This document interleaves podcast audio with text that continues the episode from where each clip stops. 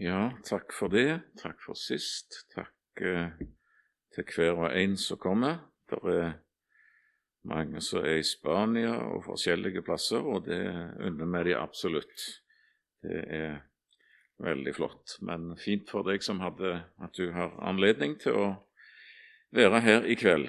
Og så er jeg òg spent på kvelden. Det er jeg alltid, og ikke mindre spent blir en når en har en tekst fra Åpenbaringen, kapittel 12.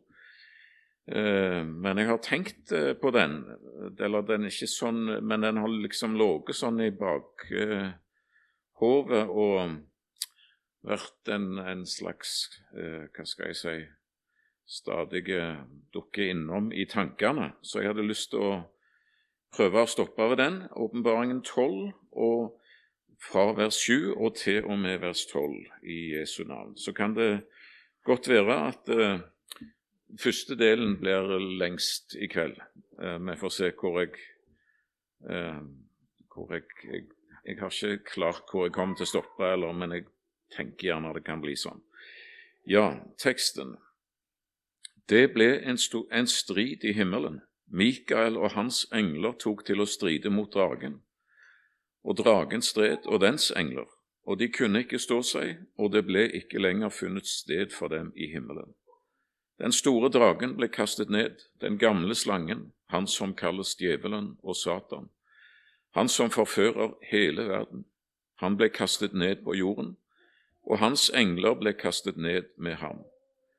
Og jeg hørte en høy røst i, i himmelen si, fra nå av tilhører frelsen og kraften og riket vår Gud og makten Hans salvede. For våre brødres anklager er kastet ned, han som anklaget dem for vår Gud dag og natt. De har seiret over ham i kraft av lammets blod og det ordet de vitnet, og de hadde ikke sitt liv kjært like til døden.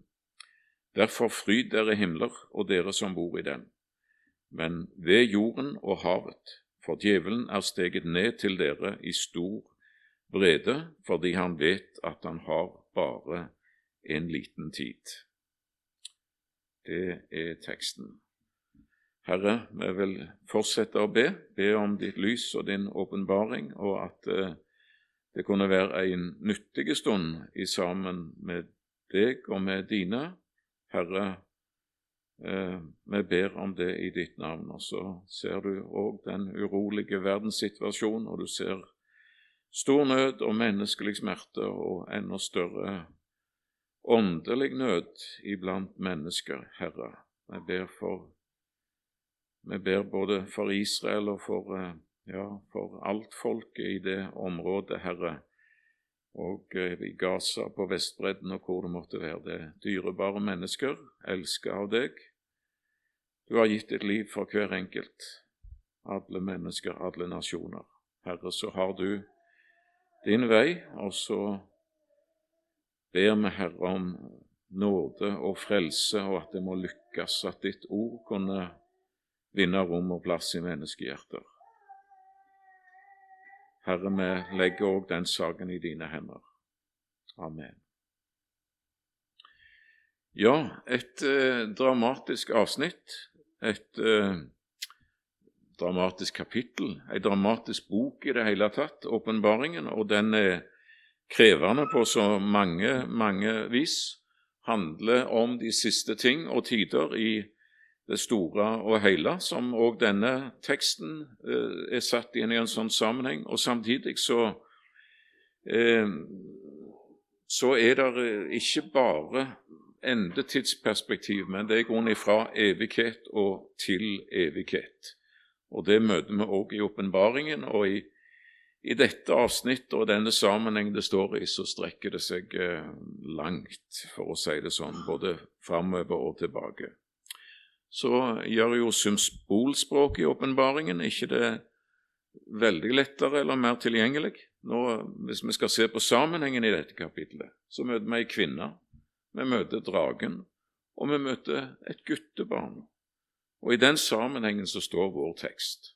Og Da må vi gjerne spørre hvem er disse forskjellige personene.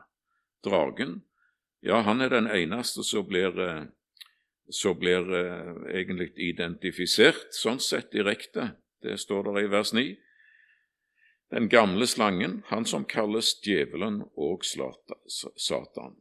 Det er den store dragen, vers 9. Hvem er så kvinnen som det står om i, i begynnelsen av kapittelet? Eh, kledd i sol og, og månen og tolv stjerner. Hvem er hun?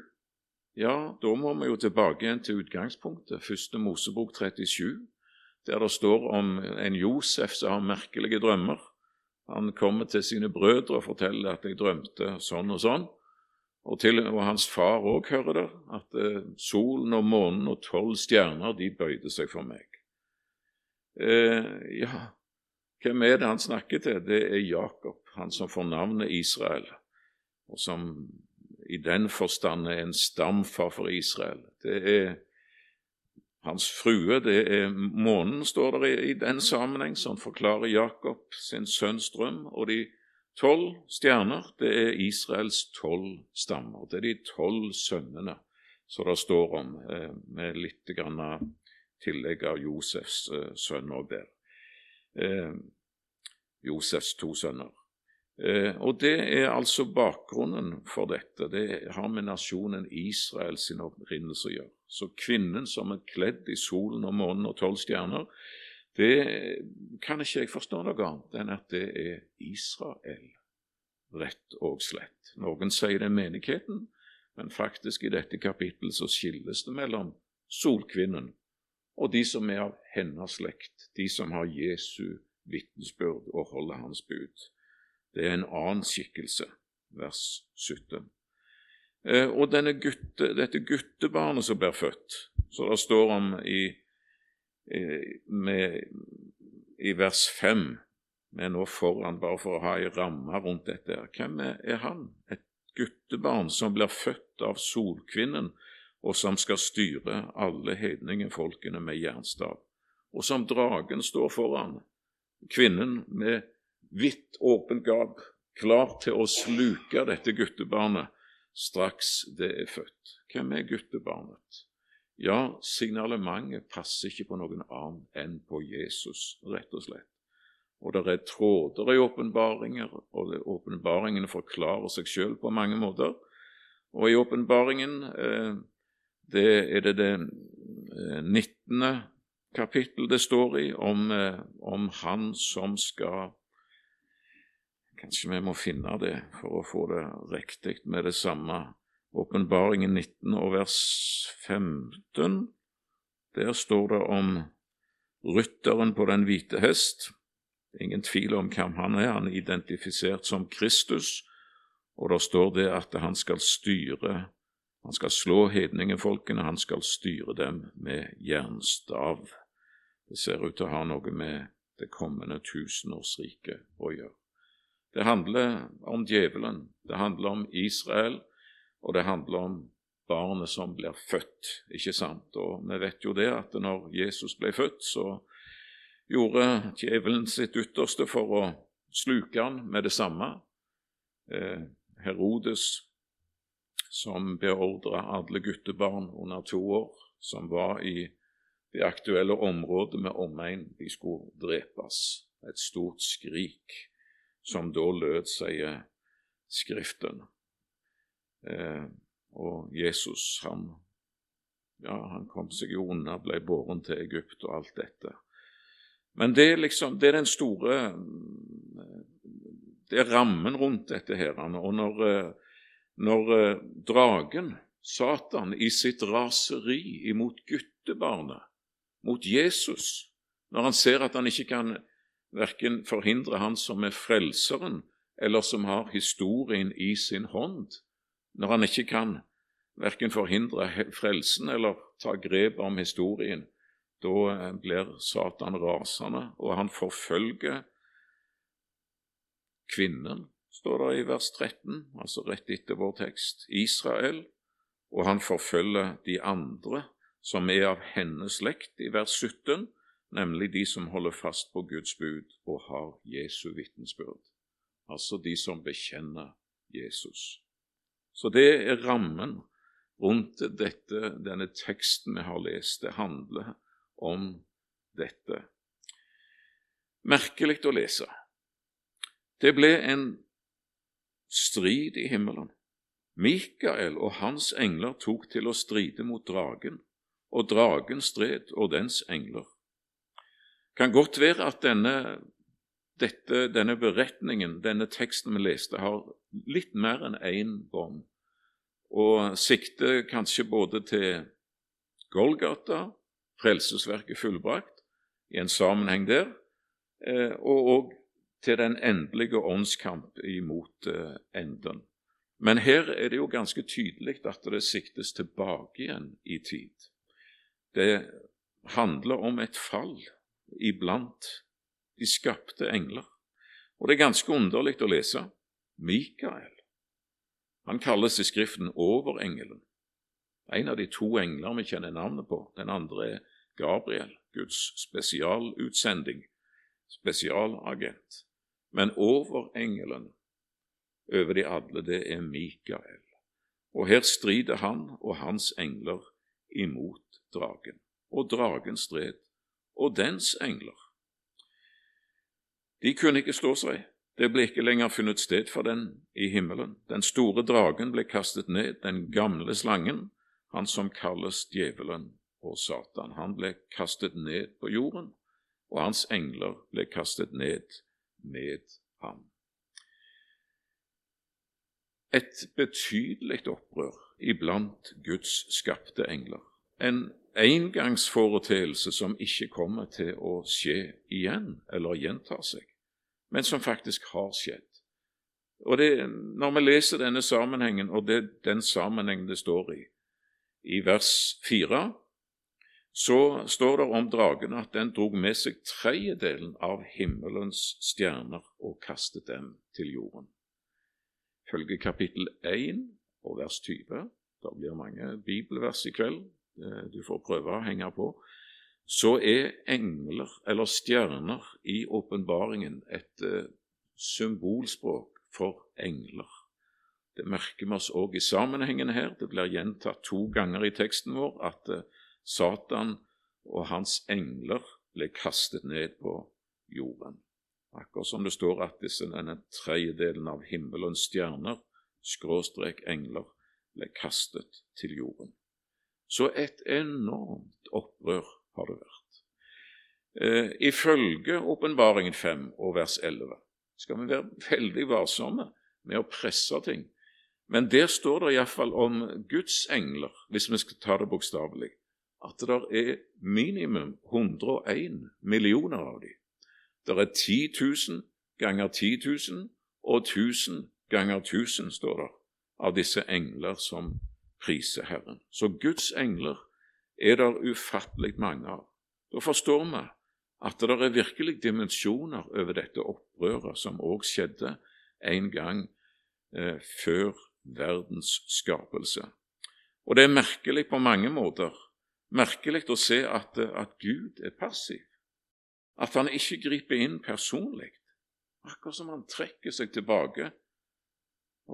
Som Jesus en gang sa til sine disipler, vil også dere gå bort. Vær så god, dere har muligheten om dere vil. Iallfall, her er det en slags underlig passivitet, for det er Mikael og det er hans engler, som også er Guds engler for all del, som tar til å stride mot dragen. Det er som et engleoppgjør. For eller mot. Den sida eller den sida.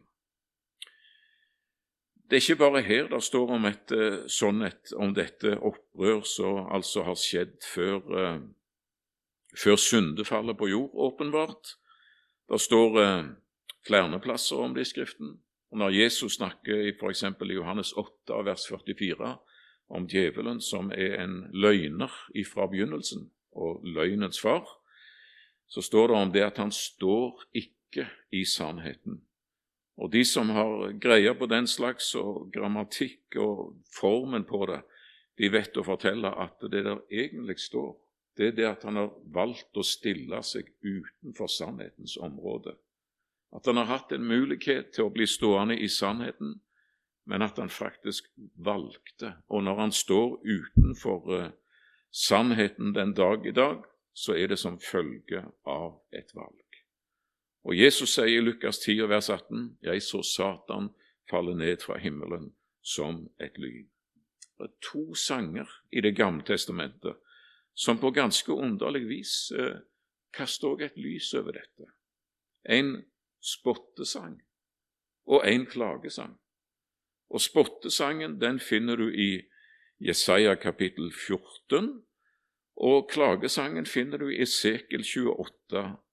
Eh, og de er adressert for det første til, til Babels konge, en spottesang over Babels konge, og så er det en klagesang over Tyrus konge. Men det er sannelig ikke lenge vi har lest i de to kapitlene før bildet sprenger rammer, og vi forstår at det ikke, nå er det ikke lenger et menneske det er snakk om. Nå er det ikke han som sitter på tronen i Babel, eller han som er den synlige konge i Tyros. Det er ikke de det handler om.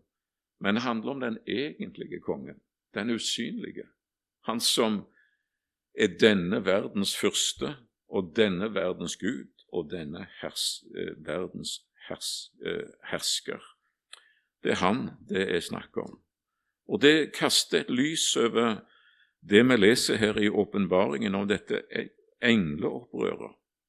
Jesaja 14, eh, vers 4. Da skal du stemme i denne spottesangen over Babels konge. Se hvilken ende det har tatt med undertrykkeren, hvordan det har tatt ende med hans ville overmot. Vers 12.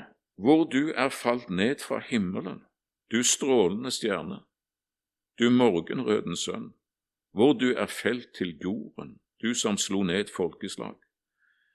Nå er det ikke menneske lenger. Det var du som sa i ditt hjerte, til himmelen vil jeg stige opp, høyt over Guds stjerner, Guds engler, vil jeg reise min trone. Jeg vil ta sete på tingfjellet i det ytterste nord. Jeg vil stige opp over skyenes topper. Jeg vil gjøre meg lik den høyeste. Nei, til dødsriket skal du støtes ned, til hulens dypeste bønn. Men vi får et innblikk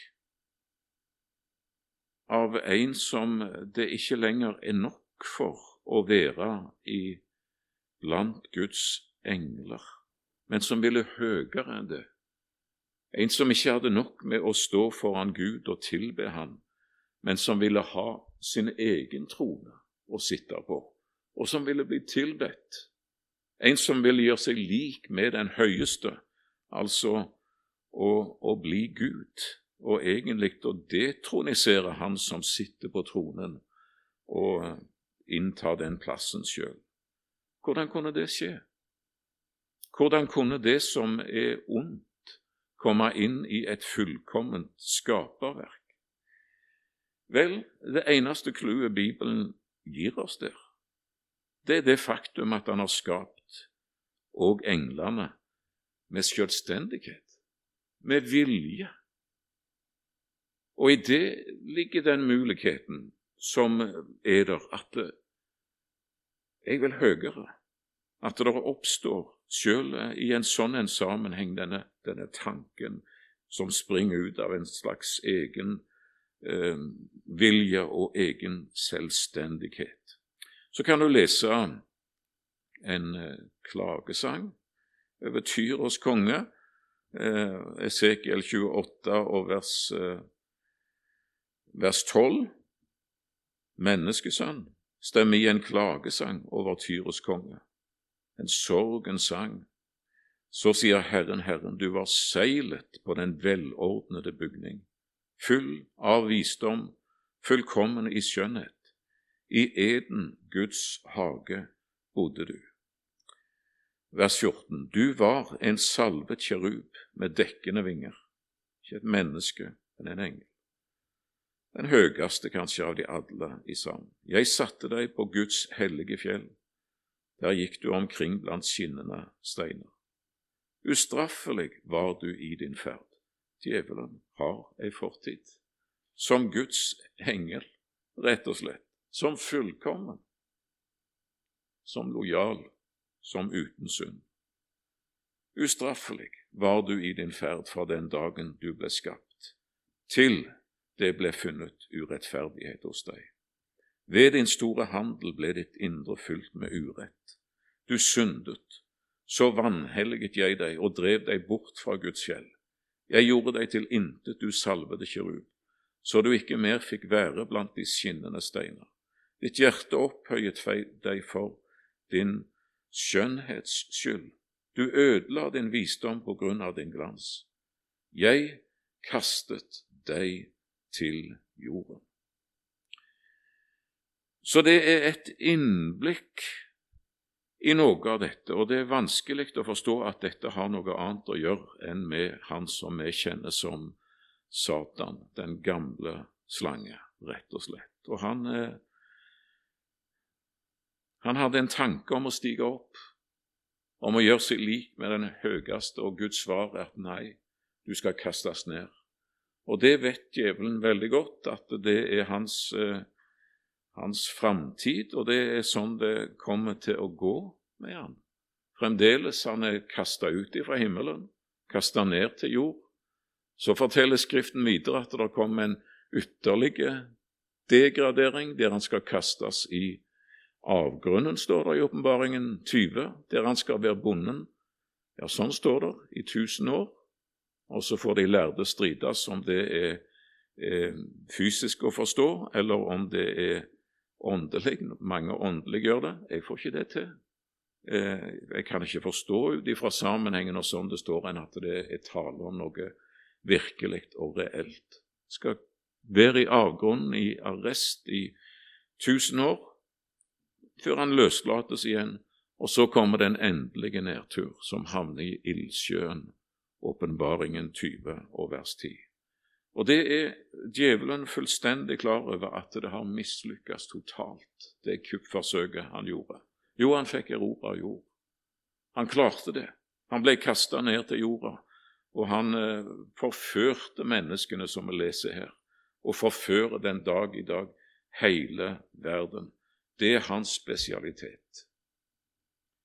Men han er veldig klar over og Vi leste det i teksten vår. Han er faret ned til jorden i stor vrede fordi at han vet at han bare har en liten tid. Det er han klar over, så han er for det første veldig travel, for han vet at min tid er snart over.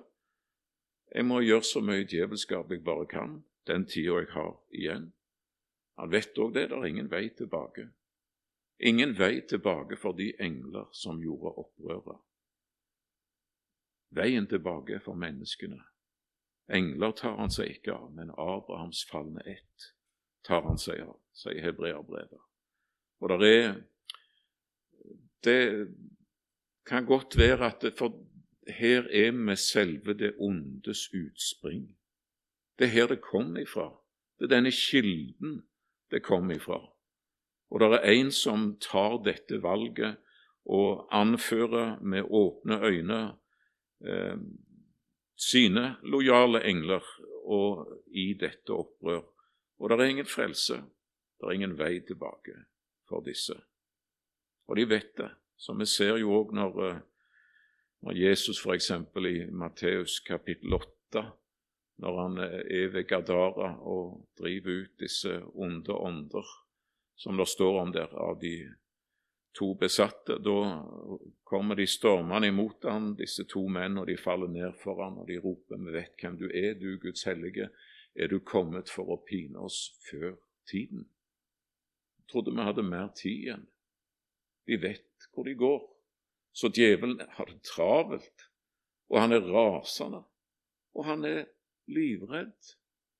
De onde ånder tror og skjelver sier Jakob kapittel 2.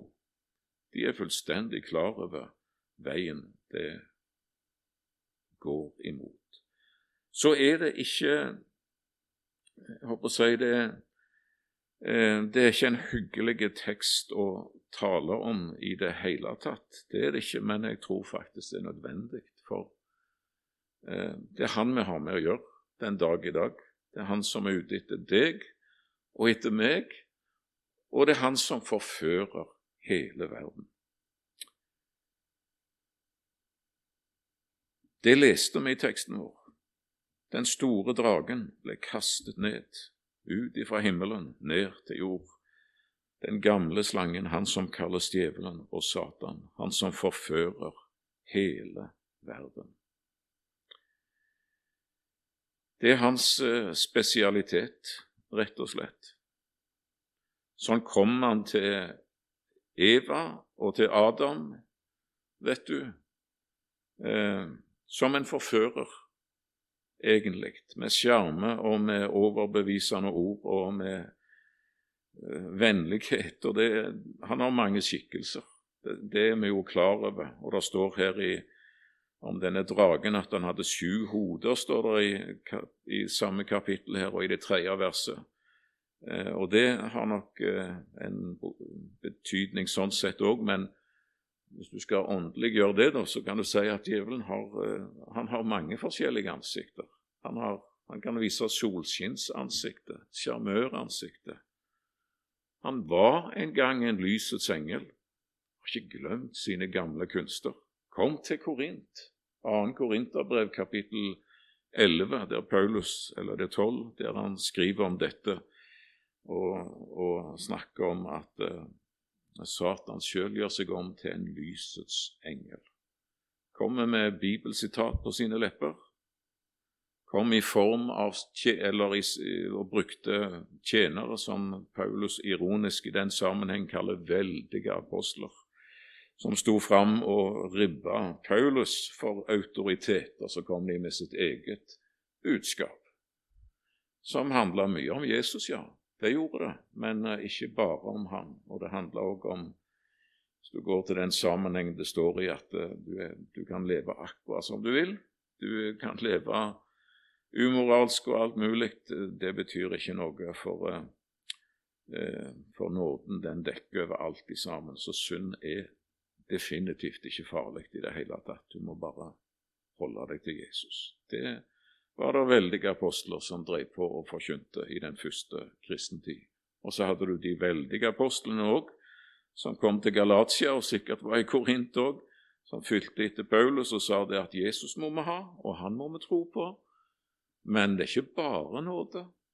Det, vi må ha loven òg, som vi i tillegg som vi må oppfylle som frelses betingelse. Eh, for ellers kan vi ikke bli frelst. Så nåden er nødvendig, og nåden blant annet må vi ha, men eh, ikke bare Jesus. Vi slipper ydmykelsen av å være frelst 100 uforskyldt. Veldige apostler, de sto fram. Djevelen er en forfører på alle mulige vis. Han forstår om rikdommens forførelse, han bruker alle triks han kan. Han var til og med så frekk holdt jeg på å si, at han kom til Jesus med bibelsitater og alt mulig. Og Han tok han med på et høyt fjell, og han viste alle verdens riker og deres herlighet. Og han er så spandabel. Han er så sjarmerende, ikke sant? Alt dette vil jeg gi deg, bare du faller ned for meg og tilber meg. Alt skal du få. Har vi ikke hørt djevelen komme har vi ikke hørt den samme stemmen? Ikke det at han presenterer seg som Satan, og ikke at han sier at du skal følge meg, men, men alt dette skal du få. Alt dette er tilgjengelig. Her er livet, ikke sant? Eh, syndelivet. Sånn opererer Satan, har han alltid gjort. Han er den store imitator. Han er jo ikke i stand til å skape noen ting, men han er i stand til å misbruke de gaver, de gode gaver Gud har gitt. Det er hans spesialitet. Han som forfører hele verden. Så har han ansikt som en lysets engel og lyskappe og lysdrakt, og så er drageskikkelsen borte. Da er det bare den lysende engel du ser. Men så har han òg løveansikt og skikkelsen. Forfølgerens brutale ansikt. Det er i grunnen i den sammenheng der står eh, eh, om Satan som er som ei brølende løve som er på jakt. Det står i en sammenheng med trengsler og forfølgelse. Og om Satan ikke når fram med forførelsesdimensjonen, så går han over til å forfølge. Ikke sant? Han begynner, nå leser vi i vers, vers eh, 9 her, han som forfører hele verden. Og så leser vi òg samtidig dette når det ikke lyktes å, å eh, ta kverken verken på kvinnen, solkvinnen, eller guttebarnet som hun fødte Jesus. Da, da begynte han å forfølge kvinnen i vers 13. Og sånn er det òg at han fører krig, vers 17, mot eh, gudsfolket. Og det står vel òg i en trengsel- og forfølgelsessammenheng som det var, eh, som var den rammen der denne boka og Bibelens bøker også ble skrevet i, og som er definitivt en stor realitet den dag i dag i, vårt, ja, i vår verden.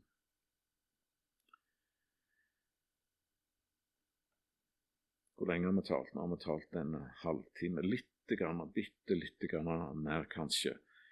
Hvem er han, og hva vil han? Jo, hvor kommer han ifra, og alt dette vi har prøvd å, å snakket eh, noe om opprinnelse og opphav.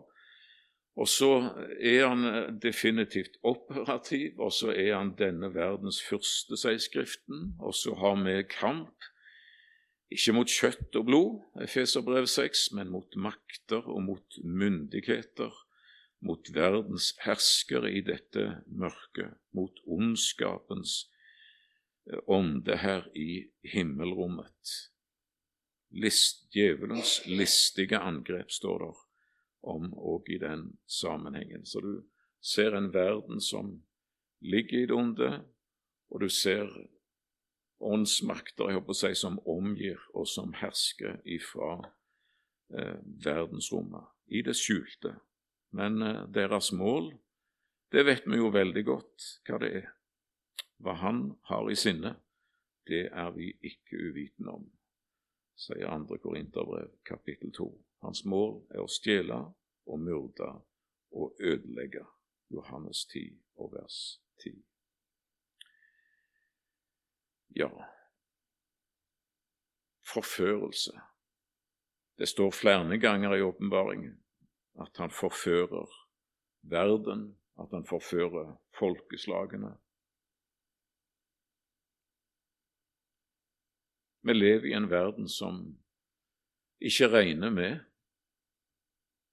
Nå tenker jeg vårt eget folk, iallfall, som knapt regner med at det finnes en Satan i det hele tatt. Og denne verdens Gud har forblindet i vantro sin, så de ikke ser lyset fra evangeliet. Det er en forblindelsesdimensjon. Og i andre Timotius 2 slutte med det verset, så, vi, så, må det bli lysere i andre del av, eh, av denne kvelden, for da må vi snakke om vår seier denne, over denne ondskapens ånde her. Men det gir et enormt alvor over situasjonen i vår verden og i vårt folk. 2. Timotius 2 og vers 25 så står det adressert til oss, eller en Herrens tjener, står det med ydmykhet skal han tilrettevise dem som sier imot. Om Gud da kunne gi dem omvendelse, så de kunne kjenne sannheten, og våkne opp av sin rus i djevelens narre, han som de er fanget av, så de må gjøre hans vilje. Kombinasjon av rus og søvn og snare, det er alvorlige ting.